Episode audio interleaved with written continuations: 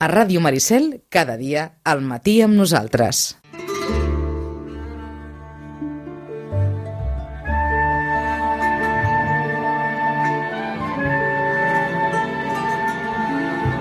Si en arribar la lluna la guitarra vol sonar sol amb la llum de la lluna i sense par ja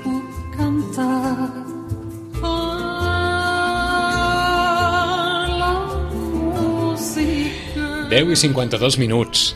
Així comencem un repàs a llibres sitgetans per Sant Jordi. fora una meravella si la lluna Hem agafat les diferents eh, novetats sitgetanes per aquest eh, Sant Jordi i n'hem extret algunes de les entrevistes que durant el darrer any hem fet en el, en el decurs dels programes de Ràdio Maricel. A veure si us pot servir per aquells que, que diuen "Ah, encara no sé què, què comprar, encara no sé què comprar. Doncs si encara no saben què comprar i abans no, no els caigui Sant Jordi al damunt perquè la signatura de llibres comença ja a les 11 amb Francesco Lutti, amb Roland Sierra i amb Fanny de Rosa eh, val la pena que fem, que fem un repàs. Vinga, comencem pel més gran. El més gran, que és el més car, però és clar, són 832 pàgines de llibre que van del 1960 al 1979. És el Sitges Ye Ye, el llibre de Roland Sierra que va començar a elaborar com passa el temps, com passa el temps. Escolti. Jo m'hi vaig, començar, vaig començar a posar la primavera del 2013 i vaig acabar, diguéssim, la, la meva feina, correcció de les últimes galerades, el juliol del 2014. O sigui, 15 mesos. En algun moment ens deies que això ha estat mm, més complicat Home, sí, que sí. l'abans. Mm, sí, és més complicat que l'abans, primer perquè eh, les fotografies antigues, doncs, mm, hi ha divers, diversos aspectes, no? però un és les fotografies antigues, si el que te les passa, eh, fotografies dels anys 10, 20, 30, no et diu qui són, doncs una mica quedes eh, exonerat de dir-los tots. Però eh, està clar que mm, fotografies dels anys 60 i 70 i tot i així a vegades costa, eh? perquè mm, tot el, el tema de bars i establiments doncs, podia ser gent que es movia per Sitges en aquells anys i que després doncs, van, van, marxar, van marxar a Sitges. No? Mm, això és, això és una, una, una de les dificultats. Després, prendre la distància aquella històrica i eh, de datar les coses. És a dir, eh, l'ECO fins a l'any 36 és una gran font mm, de dades. Em sembla que això, eh, l'Ignasi Maria Montaner quan ve ho, ho repeteix sovint, no?, quan ve a aquesta casa. A partir dels anys 40-50 es, es converteix més en un diari eh, d'opinió on te consta una pàgina de crònica local. A partir dels anys 60 s'amplien les notícies, Ah. però tampoc no perd aquest, eh, aquest àmbit de diari de, no de noticiari, sinó de diari d'opinió. I aleshores, doncs, mm, això fa que moltes coses mm, hagis d'invertir moltes hores per datar-les, no? Vull dir, per, per saber exactament vull dir, en quin període es va donar, no? El sorgiment de la campanya Volem Sitges Net i les... Pues d'això en parla a l'ECO en el seu moment perquè va ser tot, tot un boom, no? I a més a més estàvem ja a les acaballes de, de, de, del franquisme, eh, va sortir a l'estiu del 75. Després, a partir d'aquesta data, o sobretot a partir del 74, comunicats de partits i tot això, que vull dir que acaba, n'acabes far, eh? N'acabes far. I moltes coses, vull dir, això dificulten el fet de que el diari informi. Però després, clar, naturalment, els grans temes, inauguració al Port d'Aigua Dols, tot el tema de la Riera durant a- a l'alcaldia del Vicenç Ibáñez, primeres eleccions municipals, naturalment. Eh, però hi ha altres coses que m'ha costat molt mm, poder-les poder ubicar amb, amb un mm, amb una... Un període sí, concret? amb una precisió, vull dir, exacte. D'acord. O sigui, no tant contextualitzar, sinó ubicar, marcar cronològicament, no? Exacte, marcar cronològicament, no? perquè a vegades t'arribaven fotografies i, i tant podia ser del 62 Ah, sí. com del 72, i esclar, és un període de 10 anys. No?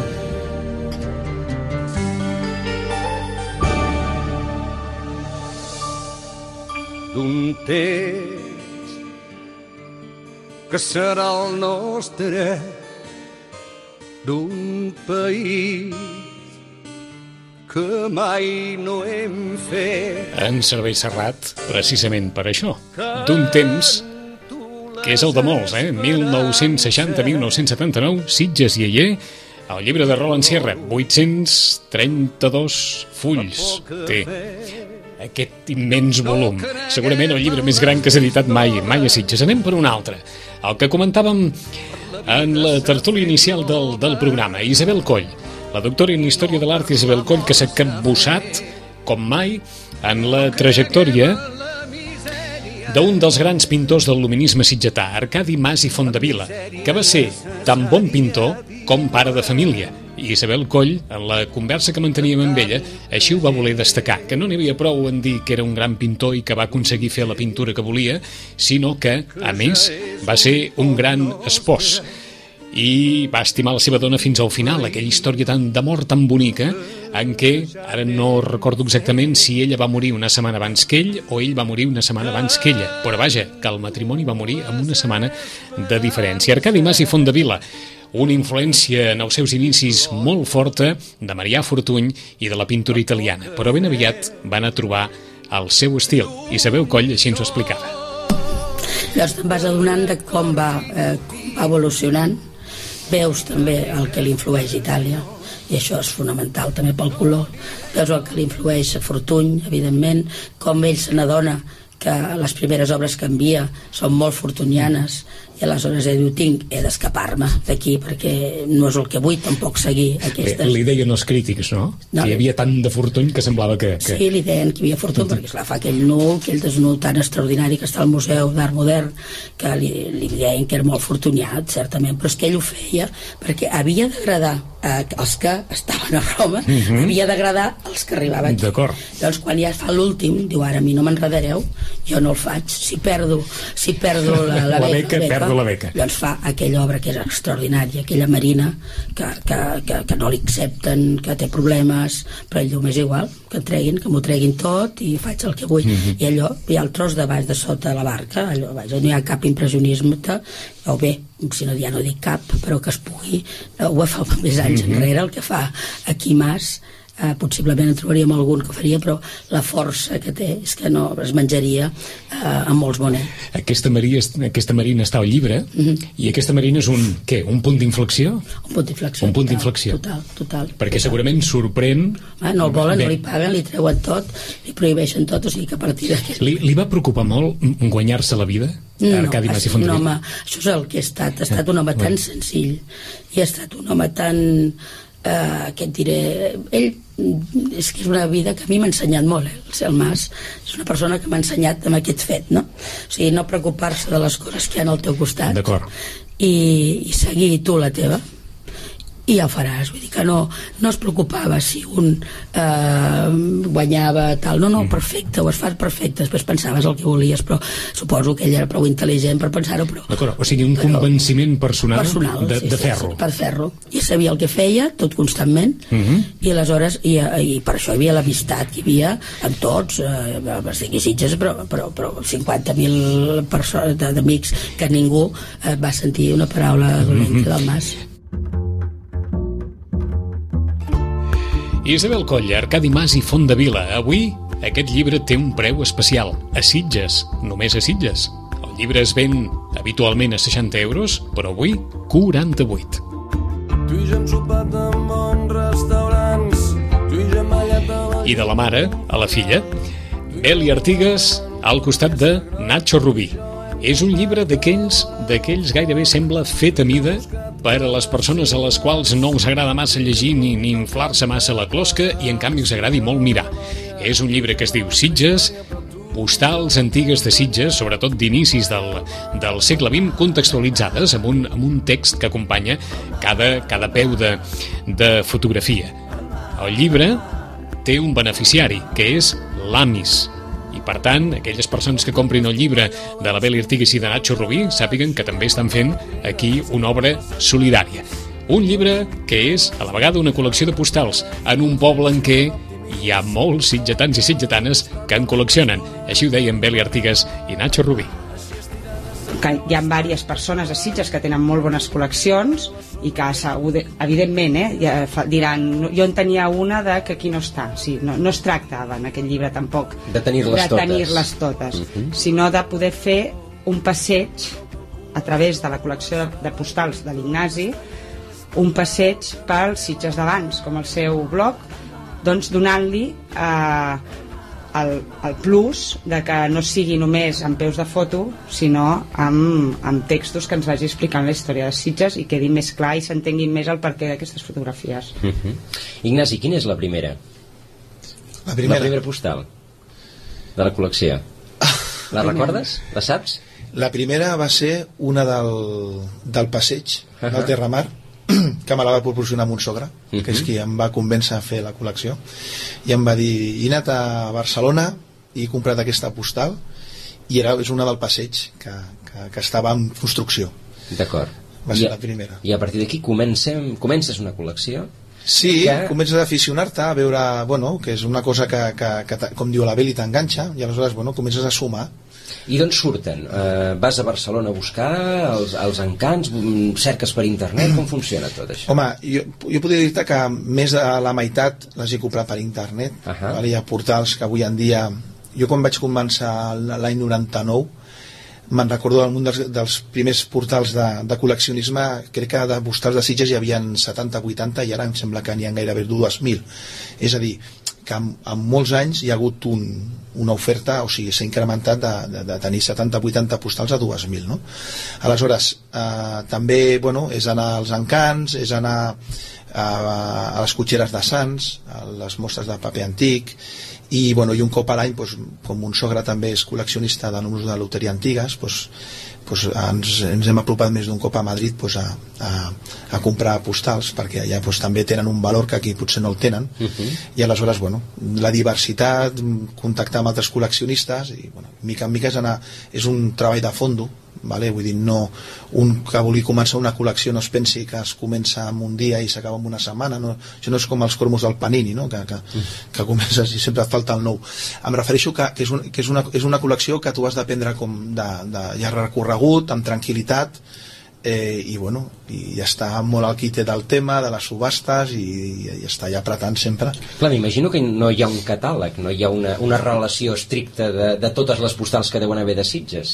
Deu ser, no diré que és infinit, però, però tendeix a l'infinit. Jo crec que, que després de Sitges si tu, te'n vas a, a, a qualsevol lloc on venguin uh, postals, Sitges és, és, és potencial, és a dir, trobes de Sitges 50.000 com de Montserrat, és curiós. Me'n trobo Montserrat i Sitges. Sí. o sigui, pots trobar barbaritats Però o sigui, això era en els llibres d'història també, en els, en els primeres les primeres guies que hi han del 1900, 1900 hi ha a Barcelona, fa, ja en tinc una de Barcelona, Sagrada Família del 1902 o 1903 i fa molta gràcia perquè posa Barcelona i posa Sitges i Montserrat i Poblet Sitges, en versió postal. El llibre s'ho val, un detall per aquest Sant Jordi. Ara que tinc 20 anys Sitges, de Beli Artigas i Nacho Rubí.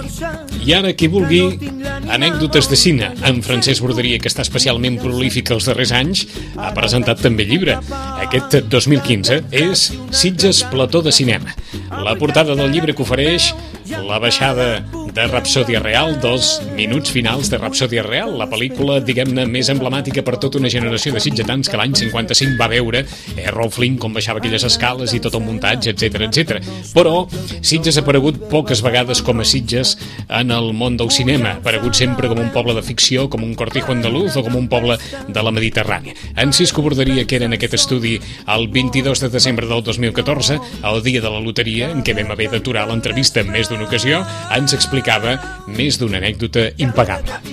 O sigui que eh, no sé com s'ho van mirar eh? inclús jo sé que hi va haver-hi una pel·lícula determinada que també ho parlo aquí que el públic va protestar enèrgicament a la sala perquè deien en un pueblo imaginario i era totalment Sitges que aquest em sembla que era el Diablo toca la flauta que també en parlo en aquest llibre La pel·lícula apunta a un poble imaginari. imaginario i resulta ser que surt el, el, la punta també van tindre que tapar el monument dels caiguts, van, inclús eh, van tindre que tapar, en aquells moments hi havia l'estàtua d'en Rossinyol davant del racó de la Calma, Sí. també la van tapar amb veure, i en acabat quan comença la pel·lícula, que això diu que va proporcionar una, una forta pitada al cine, deien en un pueblo imaginario de quan estaves veient la punta i punta. quan estaves veient el racó de la Calma. Um, quina deu ser la pel·lícula més bona des del punt de vista de, de qualitat que, que s'ha rodat a Sitges?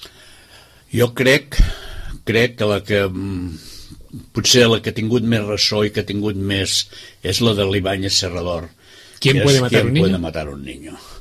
És una pel·lícula que també també també té curiositats, eh? perquè també es En pot en, explicar. què, en què Sitges és ben avís, ben Sí, avís, sí, que està de és- festa major, eh? Exacte. O sigui, l'Ibáñez Serrador tenia una passió, si recordaràs,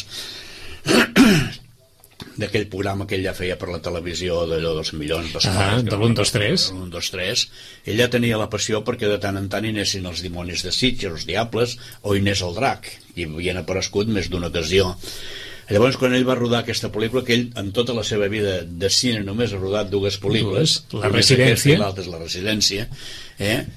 la pel·lícula que representa que passa en una illa està rodada en un poble de Toledo. O sigui, ni illa, ni mar, ni res de res. D'acord. Eh? O sigui, la segona part de la pel·lícula... Sí, o sigui, la pel·lícula està rodada en un, en un poble de Toledo. Quan surt al mar és Menorca. O sigui, les escenes que es veu al mar, que hi ha escenes Sí, que, clar, clar sí, tant sí. en una illa, hi ha moments que es veu al mar. Llavors és Menorca.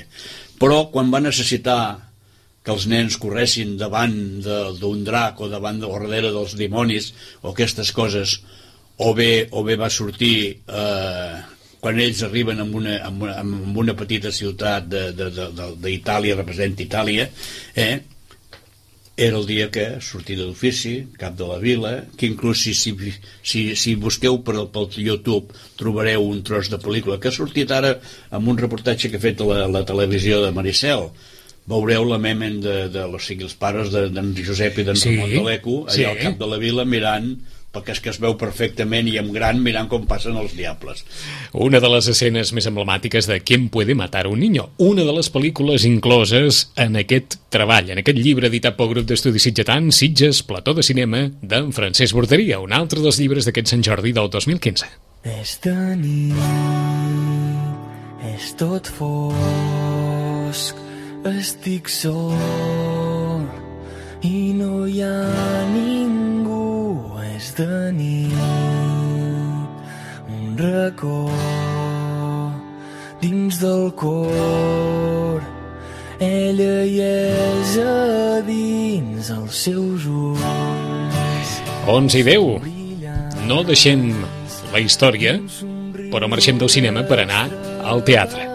Acaba també de sortir a la venda el llibre que en el seu dia va mereixer el Premi Jofre Vilà. Diem en el seu dia perquè el llibre d'en Francesc Parra va ser Premi Jofre Vilà de l'any 2012. Han passat 3 anys des d'aleshores i aquests 100 anys de teatre Sitges 1839-1936 companyies, músics i autors locals escrit per en Francesc Parra avui ja és a la venda en aquesta diada de Sant Jordi un llibre que no va sortir partint d'un esquema en concret perquè en Francesc no sabia què es trobaria. Així li comentava amb en Joan Tutusaus ha, ha sigut Vas això. veure, a veure què sortia. Sí, d'anar d'anar fent, d'anar trobant, d'anar buscant i, i és que a més a més ha sigut com una mica de trencaclosques, no? I a més a més cada vegada tenia més pistes, cada vegada era com, era com un joc a més a més, vull dir, ha sigut com anant, anant buscant, anant trobant, anant buscant i anant trobant. Una cosa portava a l'altra. Una cosa portava a l'altra i, i m'he quedat sorprès per això, no? per la quantitat i per la i, i perquè eh, sobretot amb això no? dels autors i els músics locals no? la, de la quantitat que hi ha hagut Uh -huh. i de no sé, no? Amb, amb, amb, amb el carinyo que es feien les coses no? en aquella època això també m'ha sorprès En qualsevol cas vas decidir tancar-ho al 36 sí.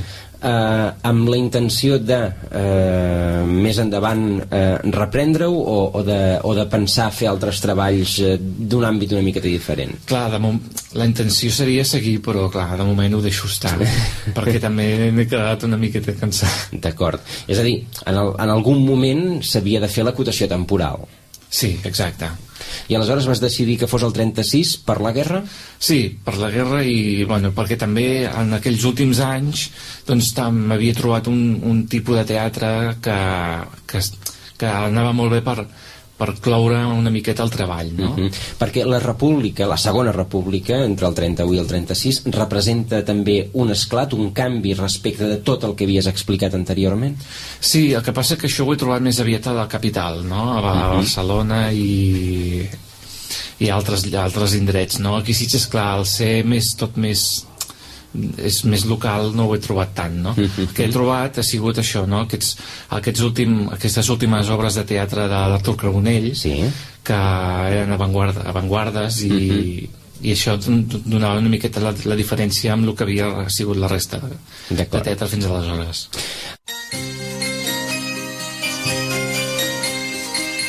Ha estat la recomanació número 5. Francesc Parra, 100 anys de teatre Sitges, 1839-1936 llibre per aquest Sant Jordi editat pel grup d'estudis sitgetans. I no ens movem de l'assaig històric, assaig històric amb també un puntet de ficció. Saludàvem aquesta setmana Rosa Maria Puig, de Miami a Sitges, l'últim viatge. Charles Deering, i per què va marxar de Sitges? Saben que hi ha més d'una versió. Saben que Isabel Coll també, en el seu llibre sobre Dining i Casas, una amistat en el arte, parlava d'aquesta situació en la qual Miquel Utrillo hi va tenir un paper, segons sembla, fonamental. I Diring va entendre que li aixecaven la camisa i va marxar. En el cas de Rosa Maria Puig, també, sobretot, el que posa sobre la taula és el, és el context, el tensionat context, l'alterat entorn de la Catalunya d'inicis del segle XX com una de les causes que probablement també influiria a la decisió de Charles Deering. Ens ho explicava la Rosa Maria fa res, fa dos dies. I, efectivament, un, uns membres del pistolerisme, amb, amb Bertran i Musito, un dia a la nit se li presenten Uh, sembla ser que hi ha com amenaces, com d'això, es disparen trets, es fereixen un d'ells. Uh, clar, la situació, jo no sé en dir si és que tenia moltes ganes de quedar-se, uh, perquè la cosa s'està escalfant molt aquí. Llavors jo faig, no ben bé, un, un, sí, potser un paral·lelisme, parlo, parlo també d'en Joan Gamper, això després parlo dels fets que van passar després ja que se'n va anar. Joan Gamper era un cas una mica semblant. De fet també hem llegit tot un totxo de llibre per saber què, què va passar amb ell. Era protestant era un mecenes eh, i, i Joan Gamper eh, clar, ells defensa la causa catalanista. Joan Gamper el, el van acusar d'heretge eh, de, de separatista li van fer entregar les claus del Futbol Club Barcelona, el van, van haver de deixar tots els negocis que tenia aquí i el van expulsar del país. O sigui que les coses pintaven bastos. Al final el Joan Gamper es va suïcidar. Vull dir, és un... I hi ha cert paral·lelisme perquè Diring era un mecenes, Diring, bueno, el del catalanisme no ho té clar, i, i a la vegada era heretge, era mm. Llavors, sí, però no l'expulsen, al revés, li demanen que no se'n vagi i sobretot que no s'emporti la col·lecció. No, però no, encara no hi havia la dictadura, uh -huh. vull dir, no sabem què, què, què podia haver passat. Vull dir que eren uns temps que no era l'ideal per viure aquí, tampoc. Uh -huh. Però a part que ell estava malalt, ell necessita la família aquesta època. Ja és una època que ell ja diu que sense la dona ja no pot viure i la seva dona tampoc s'acaba de, de, de trobar bé aquí. Ella és molt americana i, i a més critica els espanyols a base de bé a més es veu també després amb cartes dels seus veïns parlen del seu caràcter que era d'una avarícia però extrema que quan anava gent a dinar els hi donava la carn més barata que havia trobat els hi donava restos d'una ampolla de cava que havia, de xampany que havien obert feia dies que es veu que era d'una avarícia molt bona dona, molt aristocràtica molt així, però es veu que és clar, llavors tampoc lliga que aquesta senyora hagués estat d'acord. A que cedís la, tot el Palau Maricel eh, al poble de Sitges. No? Per tant, no es va poder endur les pedres, però es va endur el, el contingut. Sí, sí, sí. Bueno, era seu, era seu. Uh mhm. -huh. Llavors el govern també intenta de totes totes... Rosa Maria Puig explicant-nos aquests dies finals de Charles Deering, editat pel Cepi Lanança, de Miami a Sitges, l'últim viatge. No ens movem de la història d'un sitgetà que ha estat, en aquest cas, analitzat i estudiat a fons per Marc sense Santa Susana i Corzant. És el llibre nascut de la tesi doctoral que va mereixer en el seu dia un excel·lent cum laude, o sigui, la ratificació universitària absoluta. La biografia del sitgetà Pere Cortiada i Ferrer, nascut el 1898, mort el 1968, editat per edicions del 1979, que pretén documentar una trajectòria política única a la societat catalana de la seva època. La nota del llibre diu, creixent en una família de forta tradició obrerista i arrelada en una localitat on el socialisme monopolitzà el moviment obrer, una trajectòria sindical inicial el formaria per una intensa carrera política en què ocupà les responsabilitats més altes com a sitgetà, regidor i alcalde i com a militant dels partits on s'integrà, ja que en presidir les seccions locals i forma part de la direcció nacional en el cas d'estat català. El 1931 es presentava per Esquerra Republicana, però després aniria a parar a estat català. És en aquestes eleccions del 1931 on en Marc Santa Susana ens situava en la conversa que varen mantenir amb ell. Avancem en la nostra història. Estàvem l'any 1931, eleccions, Pere Cortiada es presenta en aquesta coalició d'esquerres. Un cop eh, s'incorpora a l'Ajuntament de Sitges, ell es fa militant d'Esquerra Republicana per una circumstància conjuntural, com ens deia a Mar Santa Susana, perquè l'objectiu final era fer-se membre d'Estat català i així s'hi fa eh, l'any 1936. Ell, per tant, serà, en el fons, regidor d'Estat català, Sí, la primera vegada ho serà per, per, per Esquerra Republicana, però com a militant d'estat català, amb la seva primera etapa com a regidor, i després la segona, la que ja es produeix en etapa, en etapa de guerra civil, uh -huh. en procés revolucionari, ja ho serà directament d'estat català, ja estan, ja estan totalment separades les dues forces polítiques. Per tant, no cal ni dir-ho, ell en el seu moment, si ja no ho era prou, se significa encara més per la causa independentista, a l'inici de la Guerra Civil. Per tant, com viurà la Guerra Civil, Pere Cortià? Eh, Pere Cortiada i Ferrer la, la viurà com un dels seus protagonistes. De fet, eh, he localitzat el diari de, de Barcelona, que en aquells moments l'estava de Guerra Civil l'estava editant estat, que l'estava editant estat català, que l'havia expropiat. He trobat un relat eh, que descriu els fets revolucionaris de la primera jornada, és a dir, quan el conèixer, el conèixer la realitat de, del, del cop d'estat, comença aquí, els obrers sitgetans surten... És a dir, hi ha un relat del 18 de juliol a Sitges? Ah, exacte, escrit per ell. I, de fet, ah. té la peculiaritat de que és l'únic relat d'algú partidari dels fets revolucionaris, és a dir, tenim relats, per exemple, del Ramon Planes, que vaig estudiar la seva biografia uh -huh. amb la meva anterior obra, eh, Ramon Planes en té una, per la seva condició de catòlic, en té una visió molt negativa. Els episodis que es van viure a l'església d'aquí de Sitges els descriu amb molta tristor. Hi ha altres testimonis de, de la Cavallol, per la exemple, Cavallol, exacte. Bonaventura i Julià també ho esmento Bonaventura, de Julià, i, sí? Bonaventura i Julià també amb el seu diari és a dir, tenien varis testimonis uh -huh. però tots aquests testimonis eren de, de gent que, que, no, que no n'era favorable i he aconseguit localitzar el seu testimoni D'acord, és, és a dir, hi ha un article de Pere Cortiada publicat al diari de Barcelona uh -huh. sobre com es va viure el 18 de juliol o com ell va viure el 18 uh -huh. de juliol i fins a quin punt doncs eh, va definir o va descriure el que va succeir a Sitges en aquella jornada? Ah, exacte.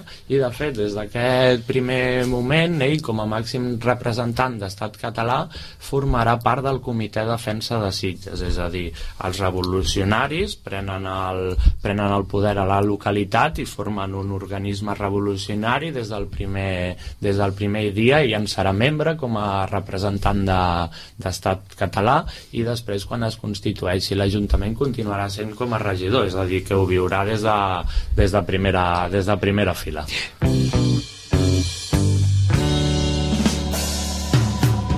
Tu poses marxa i jo punt mort, reposo el cap enrere i estiro les cames. Estem repassant novetats sitgetanes d'aquest Sant Jordi del 2015. Tots aquests llibres els trobaran a les diferents parades d'aquest Sant Jordi d'enguany tots d'autors sitgetans, temes sitgetans, com veuen molta variació, canviem absolutament de registre. Què tal si ara deixem la història, però anem a una altra història que té molta relació amb quelcom que en el seu dia va ser, va esdevenir, gairebé diríem, un protagonisme molt ferm en les tradicions sitgetanes, ens estem referint als falcons. Fa ben poc, la Laura Gómez va presentar el seu llibre, un llibre titulat Els falcons, pocs i bons, història dels falcons de Sitges, el llibre que és el primer volum d'una col·lecció que edita l'agrupació de Baix Populars que porta per títol La Terlatana. Aquesta història que comença gairebé una festa major de l'any 1973 quan uns joves amics sitgetans se'n van a Vilafranca, veuen els balcons de Vilafranca i entenen que en algun moment això es pot fer a Sitges i en la celebració de la festivitat de l'Acció de l'any 74 es posen en marxa amb la seva primera actuació pública. La Laura així ens ho explicava. Uh, per una banda gràfica hem, hem, són les col·leccions de les fotografies dels propis membres de la colla, uh -huh. bàsicament, perquè doncs, en aquell... tampoc no n'hi ha moltes, perquè clar, evidentment a, a principis de, dels 70 no hi havia tantes càmeres i, i tants dispositius mòbils per, per captar totes les, totes les imatges i les instantànies no, de les sortides. Uh -huh.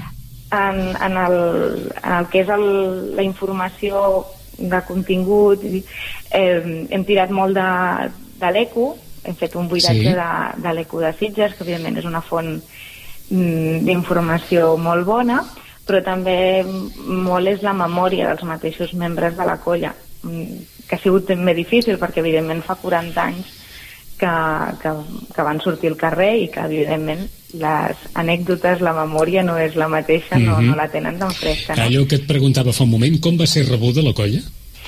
Molt bo, molt, molt bé. La colla, la veritat, eh, amb, amb expectació, perquè mm, clar, era una cosa nova que no s'havia vist mai a Sitges i, i va sorprendre moltíssim, sobretot. I després també més que res per, per l'agilitat eh, i de muntar i desmuntar les estructures, la rapidesa, uh mhm. -huh. i també, evidentment, eren un grup de joves i llavors, vull dir que no la, també la frescura aquesta de joventut, no? Això també va agradar moltíssim. Imaginant-nos imaginant-nos Sitges també, algun recel per alguna banda? Recorden els fundadors de la colla o no? Sí, van sí. haver alguns del... Sí, alguns membres castellers, doncs, que clar, no ho veien amb massa amb bons ulls. massa clar, eh? No ho veien molt clar, però, però bueno, van, van coexistir les dues -huh. colles, és el que et deia, comentava abans, amb bons moments i amb, i amb no tan bons moments. D'acord. Estem situats al març del 1974, la colla es presenta ja en societat i no sabem si entre els objectius de la colla hi havia, òbviament, més enllà de, de poder fer actuacions, participar amb algunes de les celebracions més significatives de Sitges. Exacte, sí, la voluntat era doncs, formar part del seguici popular de Festa Major i Santa Tecla, mm, però va, la primera festa major van haver-hi altres sortides, van a, la colla de Sitges va ser anfitriona a, a la seva primera trobada que es va fer a la Fragata el, el juny del 74 i en aquesta primera trobada ja van convidar doncs, els de Vilafranca els Res no és mesquí ni cap hora és isarda, ni és fosca l'aventura de la nit. Aquest és el serrat que recita Joan Salvat Papaseit ens serveix per incorporar-nos a dues recomanacions poètiques. que s'emmiralla al llit de tota cosa feta. Per cert que és un disc sensacional, si ho poden trobar, el Reis no és mesquí, quan encara Adixa feia discos. Joan Manuel Serrat, estem parlant del 77, més o menys, aproximadament a finals de, del 70. Dues recomanacions poètiques. Una de la mà de Joan Duran i una altra de la mà d'August Bové. Joan Duran, protagonista entre Sant Jordi i Sant Jordi per dos poemaris, per Extrema Llum i per Matèria Fosca. Nosaltres el vàrem tenir aquí per parlar de matèria fosca, per aquest concepte bàsic de l'astrofísica que Joan Duran el converteix en metàfora dels intangibles que fonamenten també altres conceptes bàsics de la nostra vida quotidiana.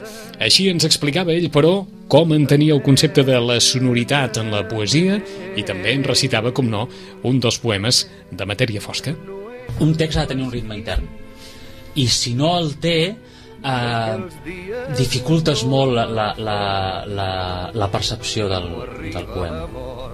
El poema ha de funcionar llegit, ha de funcionar recitat, ha de funcionar inclús memoritzat uh -huh. i, per, i, per, i perquè això funcioni doncs has de, has de, has de dotar el text d'un cert ritme intern d'una certa coherència encara que generi sensacions diferents no?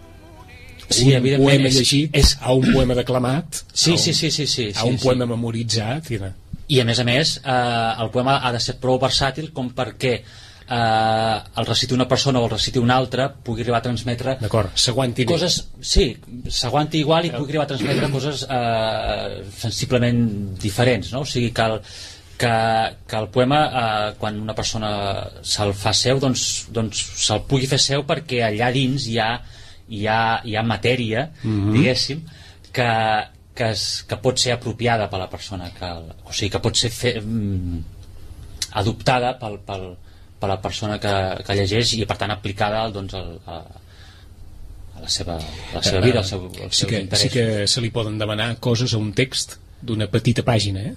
Sí, eh, sí, som exigents. Sí, som exigents. I els lectors de poesia són pocs, però també són exigents en Sí? aquest sentit. Es deixa sentir molt la veu del lector? En aquests anys de trajectòria de- d'en Joan Duran, els lectors quin, quin paper han tingut?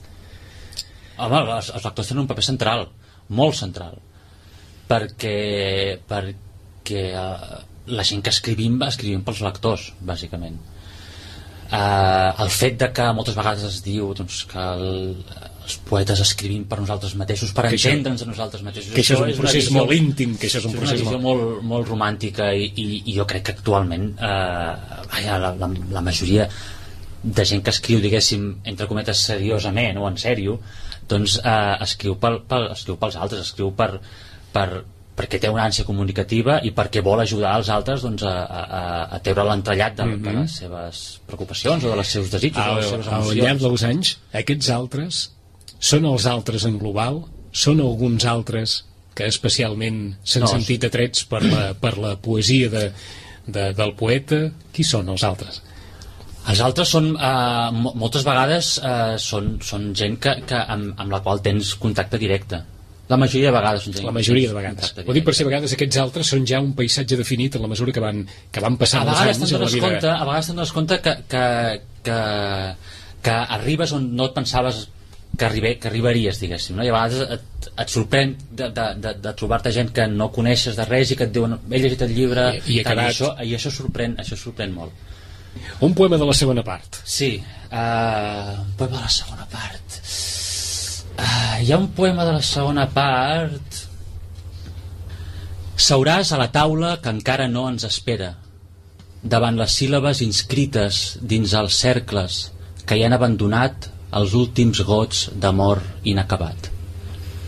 Sonarà Piazzolla i l'estació dels arbres que creixen infinits, indefinits, vindrà altre cop avui a transpirar les paraules que no hauran de passar.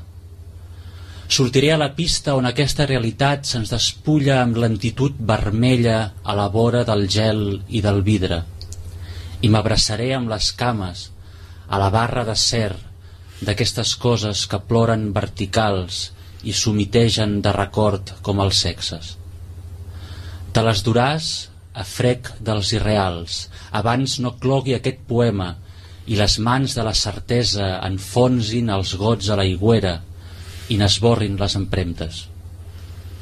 Escriu-me, llavors, la paraula demà. Tindrà piano i primavera i el buit de llavis d'una copa on dir la teva boca com aquesta primera vegada de tot. Joan Duran, recitant-nos un dels poemes de Matèria Fosca, que amb extrema llum ha protagonitzat des del punt de vista informatiu, literari, de Sant Jordi a Sant Jordi. I un home que juga amb les paraules. Aquest home que juga amb les paraules es diu August Bové. I per aquest Sant Jordi del 2015, l'August Bové tenia un repte important, fer 25 tautogrames. Però què és un tautograma? Sí, un tautograma és un text, en aquest cas un poema, en el qual totes les paraules comencen per la mateixa lletra. que, però, però... Doncs, doncs li podem demanar a l'August Bové que ens llegeixi sí, de là i tant, el podem, aquest anel el podem llegir n'ha marcat uns quants i, i segur que entre tots recordin que el joc és, la jugués que és que ens estem referint a tautogrames aquests, aquests poemes que tenen el condicionant d'haver de començar per la mateixa lletra Exacte. cadascuna de les... Vinga. Exacte. Posem. Doncs aquest es diu, amb la A, és anel. Abans albiraven astres, aurores, àduca ocells, animals estoradors, antiga avió ancestral. Ara admirem automòbils, avions articulats, andròmines automàtiques, adormits, ai, adorem, atletes analfabets, anques aerodinàmiques, autòmates anorèxiques. Acceptem amb apatia autoritaris autòcrates. Alcem-nos airosament, ardidament ajuntem-nos, avançant agermanats, així aturarem, amics, aquesta espro carnissada, aquests aires agressius. Alliberem-nos avui, el vel de l'Aró al col·letge, Angostrina al Calalí, Andorra Arles, Artal al Coi. Clar, aquí no valen interjeccions, ni val, ni val. Bueno, n'hi ha una, ai. N'hi ha una, ai. ai. Sí, sí. Clar, hi ha el de la I. El de la I, eh? el de la I. I, i. Uh, uh, sí, sí. La I és...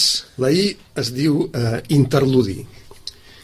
Ínclics ioguis isolats il·lustraven ignorats indians igual, igualadins. Instruïen ignorants, internautes impulsius, infants il·lusionats. Increpaven indignats i lògics imitadors, ignícoles immadurs, i imaginaven iglús. En algun moment un pensa que no puc construir una frase només així. És o no?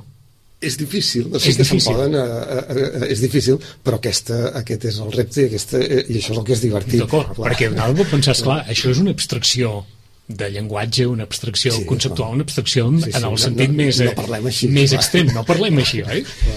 No parlem. I en canvi ha de tenir això, ha de tenir sentit, ha de tenir musicalitat, ha de tenir sí, sí. tots sí. aquells, diguem-ne, valors que se li pressuposen a, a, a un escrit poètic, no? Exacte, sí, sí. Uh... Això demanat trencar molt paper? Sí, sí, sí, sí, sí sobretot en segons quins... Eh, aquest de l'A, per exemple, que, que és el que m'ha costat més moltes vegades. És que és molt important, eh, s'ha d'estripar moltes vegades per aconseguir un resultat bo. Un, dos...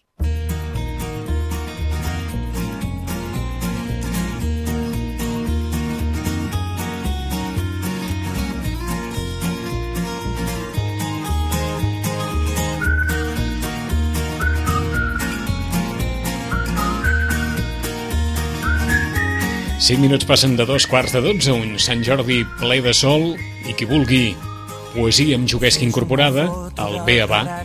d'August Bové, el llibre dels 25 autogrames. La roba estès al meu agost, un camp d'espigues i cargos. I sí, a tots aquells a qui els agradi l'esport, també hi ha recomanacions esportives. A hores d'ara signa exemplars Francesco Luti. Varen tenir Francesco Luti en aquest estudi per parlar de Testa Alta i el Camino de Sarrià, un llibre que ens porta al Mundial de l'any 1982 i al partit que va enfrontar la selecció italiana amb el Brasil.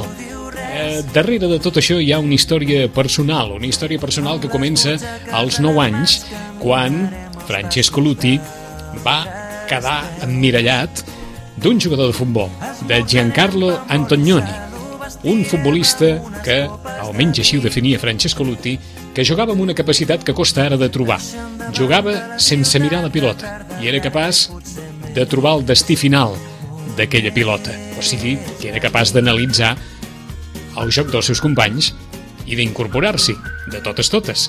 El llibre es diu Testa Alta i el Camino de Sarrià perquè eh, matisem a partir d'aquí. Aquest nen de 9 anys que corria les escales del Comunale de, de Florència per cridar quan Antonioni picava un corna eh, anys més tard va conèixer Antonioni. Sí, sí. Eh, es, es, divertido porque yo he, he, sido durante una temporada eh, bastante larga, justo cuando Antonioni ya había, se había jubilado, eh, periodista deportivo en Florencia. Y esto me ha dado la ocasión de, de conocer personalmente a, a- a todos los jugadores que pasaron por la Fiorentina. Incluso me acuerdo que durante el- la concentración previa al Mundial de Italia 90 que se hacía en Coverciano, que es en Florencia prácticamente, yo iba, mm, acudía cada día a la a las ruedas de prensa y lo pude conocer a Vialli y a todos los jugadores, Baggio, etcétera, ¿no?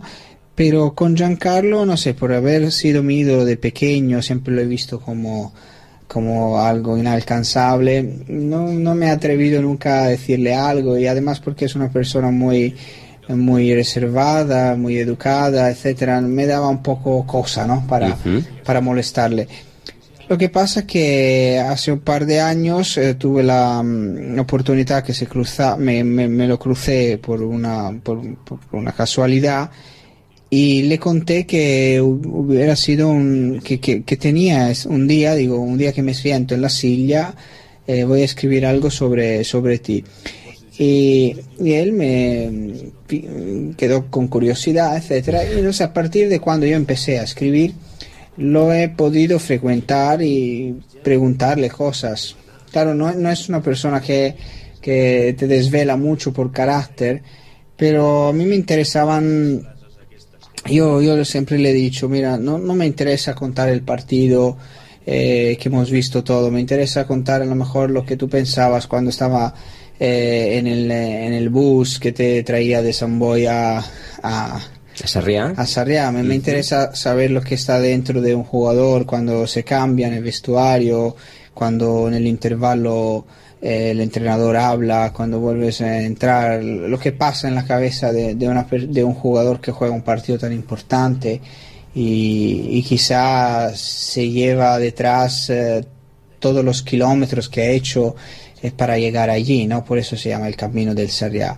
A testa alta, con la cabeza levantada, por una razón, no, no porque eh, es algo de altivo, ¿no? Eh, es porque Giancarlo es conocido en- mundialmente por ser un jugador que, que jugaba sin mirar la pelota, ¿no? O sea, que ah, con la cabeza alta, ¿no? Eh, tanto que el primer... eh, Això és cosa de privilegiats. Sí, sí, creo que Iniesta o Ujú. Zidane.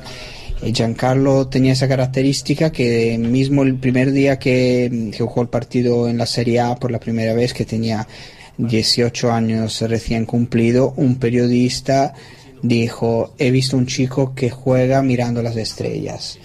y siempre ha sido una característica suya. Hay muchas fotografías de él que, que- que- que la- lo pillan mientras no, la, la pelota no la mira y está mirando a la, cómo sigue la, la acción eh, y cómo se des- desenvuelve el juego. Eso, eso es una, una característica que muy, muy, muy rara o muy difícil de encontrar en los jugadores.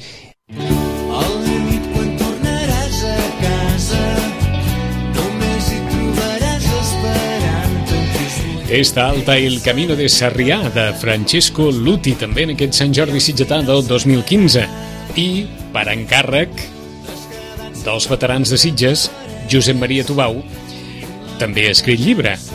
És aquell llibre dedicat a Johan Cruyff Johan, un 14 que enamora saludava en Pito Valera en Josep Maria Tubau i òbviament al parlar de Cruyff i de l'entorn de Cruyff més d'una, més de dues, més de tres i més de quatre anècdotes que estan recollides en aquell llibre de Josep Maria Tubau que també poden trobar a les parades de Sant Jordi.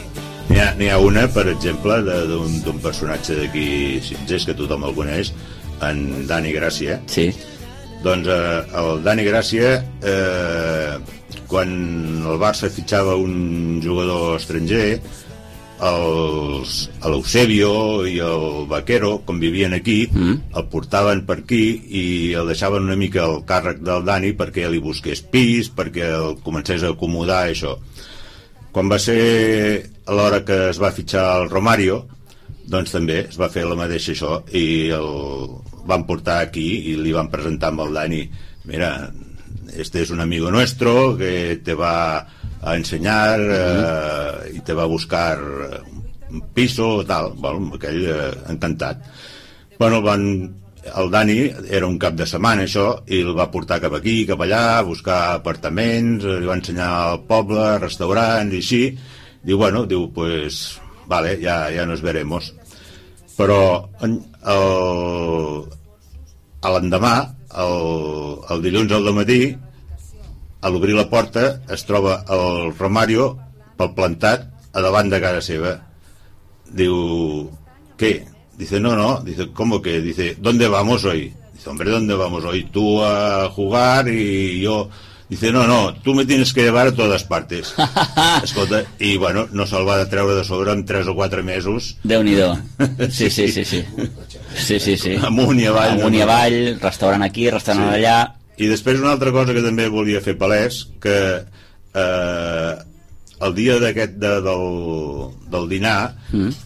hi havia una exposi exposició d'objectes de- d'en de, Cruyff que el recull per mi el que crec que ha de ser el fan número 1 del món de Sitges que és un xicot sitgetà que es diuen Jordi Roca sí. i té tota una sèrie de pòsters, objectes, diaris, estampes, cromos, mm, bueno, de tot dedicat al Johan Tot en Cruyff. relació al Johan Tot Cruyff. el Johan Cruyff. déu nhi Sí, sí, ell sí, sí, és és- un autèntic eh, mm, Vaja, malalt. és, eh, és sí, sí. barcelonista, però per sobre del Barcelona ell és és el, el Johan, sí, sí. Calçotets i desodorant, també, i colònia. Carai, carai, carai. Sí, sí, sí. Déu-n'hi-do. No, no, hi ha, hi ha anècdotes molt sucoses que fan la, la lectura del llibre una mica entretingut. Mm, Has trigat molt, Josep Maria? Bé, potser De, vaig de, estar... de tota la part del procés, què és el que ha costat més? Eh, Bueno, cercar els testimonis o allò, posar-se amb el... Amb el... en, les entrevistes perquè un un dia no li anava bé Sí. l'altre dia o l'altre dia has d'anar a veure a És a dir, Barcelona quadrar agendes, que es diu. Eh? Ah, Eh, evident, quadrar les agendes... quadrar, quadrar les agendes i després eh, ensamblar-ho tot perquè Mhm. eh, jo la veritat és que no estic eh, acostumat a, aquesta, a escriure llibres d'aquesta temàtica Mhm. perquè eh, vaja, ho he fet perquè per, un, per l'encàrrec de, de, Sí, sí. de, dels bons amics no? Si sobtadament la gent no sentís el dolor que sempre amaga i sent, sobtadament la gent oblidés el pes del sofriment, el so d'una cançó llavors jo et convidaria És la veu de Marina Rossell. una fantasia del fons del meu cor. Canta, canta l'esperança, canta, canta l'alegria, canta les... I amb Marina Rossell, Fanny de Rossa. La saludàvem dilluns. A la seva edat i després d'un exili barceloní, aquí van unes vivències artístiques de Sitges. A la portada del llibre, la parròquia, la punta, l'escenari definitori d'un llibre que vol sobretot esdevenir una guia per a aquells que venen de fora i també per als sitgetans que desconeixen alguns aspectes emblemàtics de la nostra vila. Vaig fer, els llibres que he escrit últimament m'agrada posar la punta, la imatge de la punta, perquè, per lo que t'he dit, per, perquè m'agrada. Sí. He posat la història de la punta i ho he fet com, un, com una guia turística. Que ara, el, no, els, no els sitgetans, perquè jo sé que els sitgetans no les puc ensenyar res, però els sitgetans no valoren el que tenen. Tenen aquí un, un, un això és un, com diria, Tens aquesta sensació? Sí, Sí? sí, que tinc, la- sí, sí, perquè persones que, que m'ha- m'han comprat m'han dit, he llegit això, mira, això no ho sabia. Eh? I passa, si passa normalment, tu no valores el que tens. Eh? És quan perds aquella cosa, és quan Mhm. de veritat no valora. Aleshores, he posat la, la, de la, la història de la, del, que a més per mi té molta influència perquè té els, els, les pintures El frec d'en Pere Pere Pruna, Pruna. que Pere Pruna a mi em va marcar en molts aspectes positivament, en tots els aspectes, i, eh, clar, tenia que començar per apuntar. Després, l'altre que, que també m'ha marcat i que me l'estimo horrores, que és l'Eco de Sitges. Sitges? Vaig escriure en l'Eco, simplement vaig, no vaig escriure serial, no vull, no vull, negativitat fora. Vaig escriure solament dos, dos articles que per, per mi molt importants, un de Sempronio, de quan l'Eco va fer 100 anys, Sí, eh? que ho va escriure en, en La Vanguardia i en castellà, i amb el llibre no l'he volgut traduir. Ho has incorporat tal i com estava. Tal, tal com, amb respecte a ell, perquè amb ell me l'estimava moltíssim. Després eh, eh, explico una mica la història de l'arribada a Sitges de, de Ruissenyol, Eh, parlo també de l'associació que la, de tot sí, que és molt simpàtica a més i sobretot he esco- he escollit els, les parts de les, eh, les cultures que estan al carrer i que a mi, a mi m'agraden. O sigui, he començat eh, primer per, per la figura de, de Ruissenyol i Casas, Yes. que és molt simpàtica, m'encanta. que Aquesta ell- parella a la qual s'hi fotografien tantes no, persones a jo baix a mar. tinc dos o tres. Sempre dic, no, amb aquest vestit no lo tinc, me lo faig. És plan fer, perdó, sinó simpàtic, m'entens? Després, eh, el Museu de Ferrat, que, m'ha quedat, he quedat meravellada de com l'han posat, és preciós. T'ha agradat la reforma? Molt, però moltíssim. Eh? Va, anava a plorar tot el que tenia que ho ha deixat. Eh? Ha sigut una cosa francament espe- espectacular. I he anat solament tres vegades, però tinc que anar amb calma. Uh -huh. Aquestes vivències artístiques de Sitges que recullen articles de l'Eco de Sitges publicats per Fanny de Rossa des de l'any 1991. Ens queden encara dues recomanacions, dues recomanacions amb testimoni sonor. Vinga, pels més menuts de la casa també ho dèiem en la primera hora de programa, un llibre sobre la nostra festa major. Aquest llibre, aquest projecte que va quedar aturat en el temps fins que algú va esperonar a la Maria i a la Conxita al mirall a retrobar aquesta il·lusió que va tornar a posar en marxa un llibre que és un llibre sobre la festa major, pels més menuts de la casa. Avui és festa major de la Maria i la Conxita al mirall. Pues hi ha bastantes coses, penso jo. Sí. Eh, bueno, perquè, vulguis que no, la ruta que aquí s'explica i les coses que es fan, en algun moment, durant tots aquests anys que nosaltres, que nosaltres havíem estat petites, són coses que nosaltres hem fet amb, els, amb la nostra família i amb els, amb els nostres pares, no? Llavors, coses que també fem ara amb, amb les nostres respectives famílies i amb els nostres fills. I per això, doncs, hi ha molt, molt, molta història viscuda. Ha canviat molt aquesta, aquesta manera de viure la festa des de quan éreu vosaltres petites a que eh, vosaltres porteu els vostres fills petits eh, a descobrir i a conèixer la festa? Sí, ha canviat una mica, bueno, mm, molt no, eh? però perquè el que són les, la, lo principal de la festa no ha canviat, però han canviat petites coses, com per exemple el fet de llevar-se i posar-se la samarreta de festa major, abans, això abans no es feia, i després pues, que la tocada de gralles, per exemple, hi havia més respecte abans que ara, diguéssim que ara hi ha una mica més de xivarri, ara moltes vegades es va sentir les gralles a l'Ajuntament després, mm, han variat cosetes de la festa. El conte ha intentat ser una mica eh, eh, que expliqui la festa actual però que sigui també mm, respectuós amb, amb el que es feia abans. amb el que és en si, la, és la, en si la la festa. tradició de, Sí. de, de la festa, que de fet són aquesta, aquesta tradició festiva que doncs, tenim tots al, tots al cap del, del seguici de, la, de les hores. Perquè um, aquest projecte heu dit que, que ja feia temps que, que, que ho teníeu al cap. Quan ho veu engegar tot plegat? Bueno, és que que ja quasi ni me'n recordo del temps que fa, perquè, bueno, jo vaig com... Bueno, jo soc protèsica dental, no? I, i, durant una, I quan vaig començar a treballar com a protèsica, eh, llavors eh, treballava els matins i algunes tardes mm, vaig començar a estudiar il·lustració i en un lloc de Barcelona que es deia Jo sóc còmic. I llavors em vaig, em vaig treure un títol d'il·lustració allà i a l'acabar això vaig dir pues, eh, m'agradaria fer un, començar un conte, no? I, i vam començar, vaig començar a escriure el conte per il·lustrar-lo. I vam començar a fer alguna vinyeta i Ara alguna m'aturo aquí, cosa. Conxita. Uh, primer la lletra que el text, en aquest cas. Per En tant? aquest cas, primer la lletra que el text. D'acord. Sí. Continua.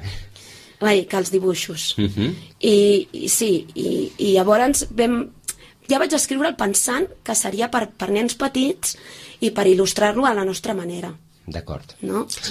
Va, va sorgir tot també una mica pel fet de fer les samarretes, eh? Uh Mhm. -huh. uh, allò que estaven fent les samarretes i un dia se'ns va acudir, ostres, doncs uh, amb, amb el que ens agraden els nostres propis dibuixos, doncs un dia podríem fer un conte. Primer no vam pensar en la festa major, però després, parlant, parlant, vam dir, per què no fem sobre la festa major ja que fem samarretes de festa major?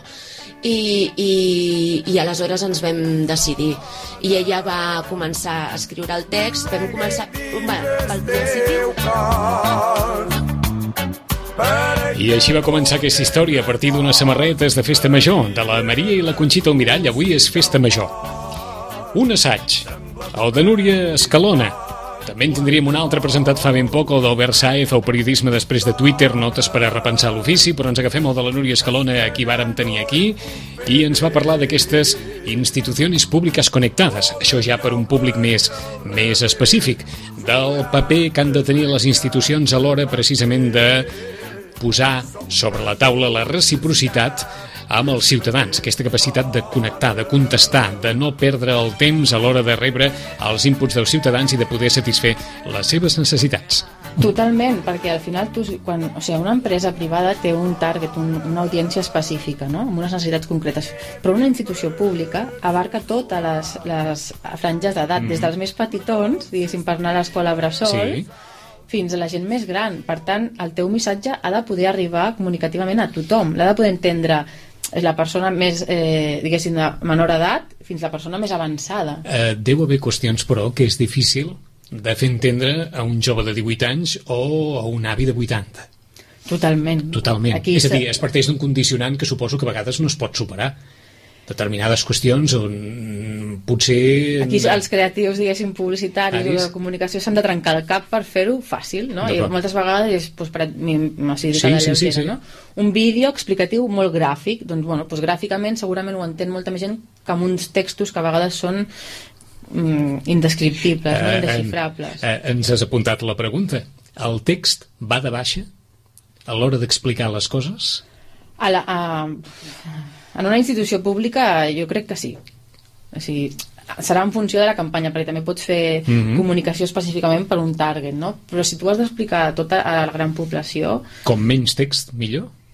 amb més explicatiu, més gràfic, més fàcil. D'acord. Sí, perquè també és veritat, a internet llegim poc. Ens quedem amb la imatge i llegim titulars. Estem acostumats a això. Aquesta és una tendència que va més, Núria? Sí, sí. Sí, això també és imparable, eh? Este, ens estem acostumant De a fet- llegir cada vegada menys. Sí, sí, de fet a les xarxes socials també, de, ja siguin d'institucions públiques o no, el que funciona més són imatges, vídeos, tema audiovisual i poc titular. Els Mhm. enllaços que tenen molt text ja no es llegeixen o, o fas una repassada visual i prou. D'acord, en aquesta rebaixa de puntuació del e-government a, Mm. a Espanya eh, ve donada en bona part per el que ens comentaves fa un moment, per la incapacitat de l'administració de respondre amb una certa celeritat a les demandes dels ciutadans a través de, de l'administració electrònica?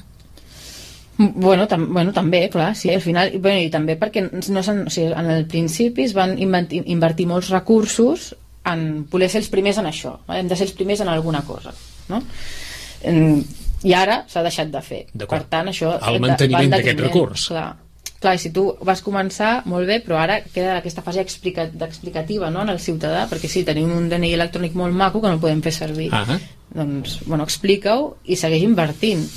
11 i 55 minuts.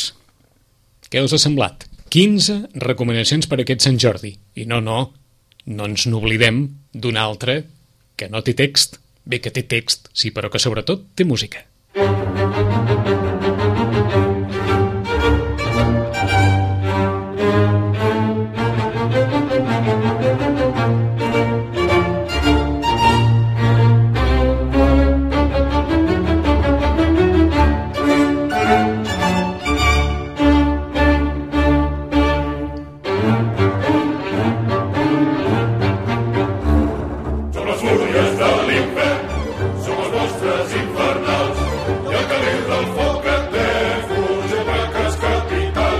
és el CD dels Pastorets de Sitges, que avui per Sant Jordi també ho podran trobar al preu de 10 euros. El CD que es va presentar fa ben poc i que ha estat fruit d'una feinada intensíssima de l'Associació Teatral Els Pastorets de Sitges amb la producció musical de l'Esteve Molero amb la direcció musical d'en eh, Joan Josep Roig en definitiva i la, i la incorporació de tots aquells i aquelles que formen part de l'elenc habitual dels Pastorets de Sitges. I què ens queda també? Bàsicament dir-los entre les 12 i la 1 signaran exemplars dels seus llibres Dani Alba amb 158 i Carme Montaner, un altre dels llibres sitgetans d'aquest Sant Jordi. El manual de Joan Pau Ferrer i Sala, notari de Sitges entre el 1794 i el 1796. De 1 a 2 signaran exemplars a l'estant de l'Ajuntament situat als peus del Monument al Greco, Geroni Alzina, amb Ombres de Foc, August Bové, amb Beabà i Teresa Muñoz amb Com si fos ahir. De 5 a 6 de la tarda, Signaran exemplars la Laura Gómez i el seu llibre dels falcons, la Núria Escalona, amb institucions públiques connectades, la Saskia Lange, amb aquest poemari titulat Des de Sitges con amor, i un llibre del qual n'hem de parlar, però que encara no n'hem pogut parlar perquè arribava avui mateix el llibre, o sigui que no el podíem tenir ni a les mans. No s'ha presentat, es presentarà passat Sant Jordi, però és un llibre que mereixerà molta atenció. És Sitges, cuina d'arrels, de la Sitja al plat, llibre de Carme Panyella i Helena Martínez amb fotografies de Joan Valera. Les seves autores i el fotògraf signaran exemplars avui entre les 5 i les 6 de la tarda. De 6 a 7, la Conxita i la Maria Omirall signaran aquest llibre d'aquest conte sobre Festa Major. Avui és Festa Major. En Francesc Borderia signarà Sitges Plató de Cinema també de 6 a 7 i en Francesc Parra signarà 100 anys de teatre a Sitges. I de 7 a 8 al vespre, en Josep Maria Tubau signarà aquest Johan, un 14 que enamora, Mar Santa Susana signarà de la fàbrica La Revolta la trajectòria política de Pere Cortiada i Ferrer i la Rosa Maria Puig signarà de Miami a Sitges l'últim viatge.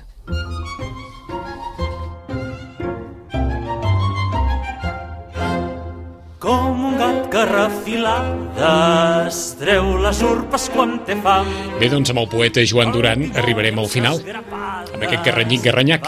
Bé, i assenyalar a les 6 de la tarda a l'estand de l'Ajuntament, Sitges en vers, aquest homenatge a Montserrat Avelló que organitza la Rosa Maria Puig. A les 7 de la tarda actuarà la coral Sitges Canta i a dos quarts de nou al cap de la vila sardanes amb la Cobla Maricel. I no cal que us ho diem, dies de llibres i roses, com diu el diari Ara, llegir i estimar. Sant Jordi del 2015 ja és aquí, només acaba de començar, queda tot el dia, un dia de bon temps, un dia de bon sol, un dia per donar toms pel passeig de la Ribera i practicar, doncs allò, el, el Sant Jordi, que és senzillament sortir, parlar, passejar, xafardejar, parades de llibres, parades de roses i per als escolars un dia també de molta feina a l'hora de, de vendre roses. Demà hi tornarem com no, demà que ja serà eh, divendres amb les nostres seccions habituals de cada dia. Molt bon Sant Jordi a totes i a tots i demà a les 9 una nova edició del Matí Nosaltres. Avui tenen molt per escollir, tant pel que fa referència a llibres d'autors sitgetans com per la resta de novetats editorials. Adéu-siau, bon dia.